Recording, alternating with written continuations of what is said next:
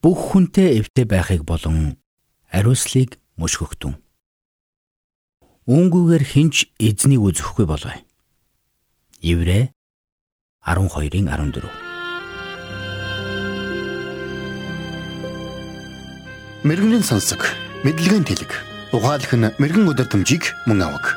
Доктор Харалт цаалогийн мэрэгэн зөвлөмж нэвтрүүлэг.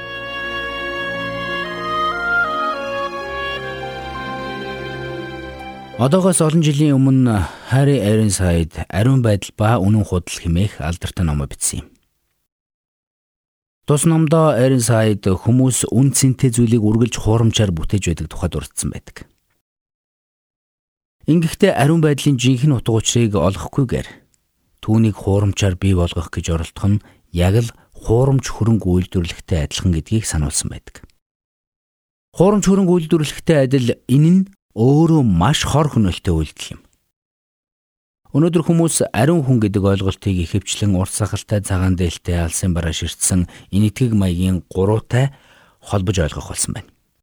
Гэвч Библиэд ариун байдал гэдэг ойлголтыг үүнээс дэс өөрөөр тодорхойлсон байдаг. Тэднийг даяанч гэж нэрлэж болно. Шашинлаг хүн гэж нэрлэж болно. Харин Библийн утга санааны дагуу хэрхэвч ариун хүн гэж нэрлэх боломжгүй юм. Бид бүгдээрээ яагаад ч юм ариун байдал гэдэг ойлголтыг бид юу хийж эсвэл юу хийхгүй вэ гэдэгтэй холбож ойлгох болсон байна. Би өөрөө 12 настайдаа Христэд итгэж байсан. Тэгээд төд удалгүй Христэд итгэгч хүн юу хийх ёстой вэ? Юу хийх ёсгүй вэ гэдгийг заалгаж эхэлсэн.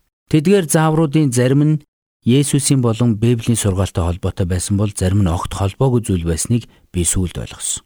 Тэдгээрийн ихэнх нь Христ итгэлтэй авчиж наасан соёлын ойлголтууд болохыг би хожим ухаарсан юм. Тэгвэл ариун байдлын тухай Библийн ойлголт нь бидний үйл хөдлөлөөр хязгаарлагдахгүй. Бурхан зөв зүйлийг хийдэг учраас ариун байдгийн биш. Харин тэр энэ орчлон дээрх бүхэнтэй адилгүй учраас ариун юм.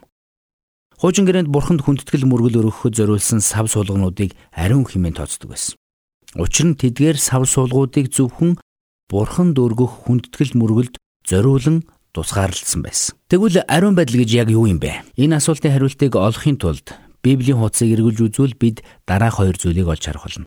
Нэгдүгээрт Библиэд Бурхныг ариун хэмээн тодорхойлсон байдаг. Хоёрдугаарт Бурхан өөрийн хүмүүсийг ч мөн ариун байгаасаа гэж хүсдэг байна.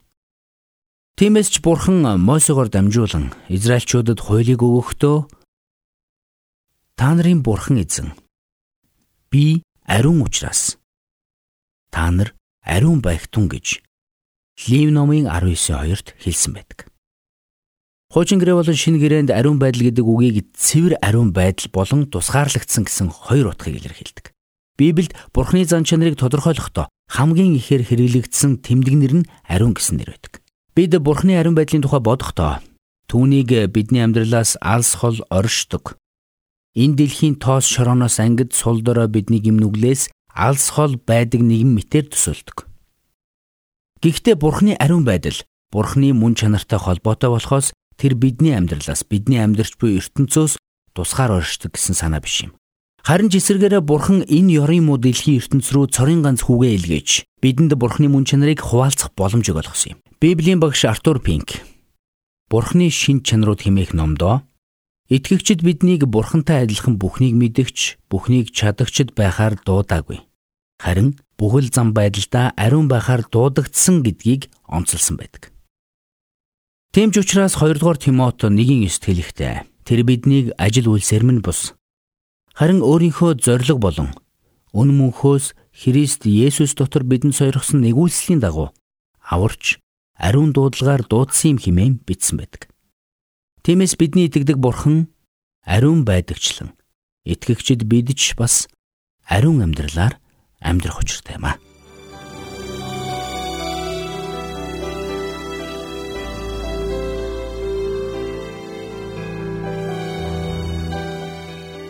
Мэргэн нэгнийг дагвал мэргэн, мулгуутай нөхөрлөл хорлол. Доктор Харалт цаалогийн мэрэгэн зөвлөмж нэвтрүүлгийг танд хүргэлээ.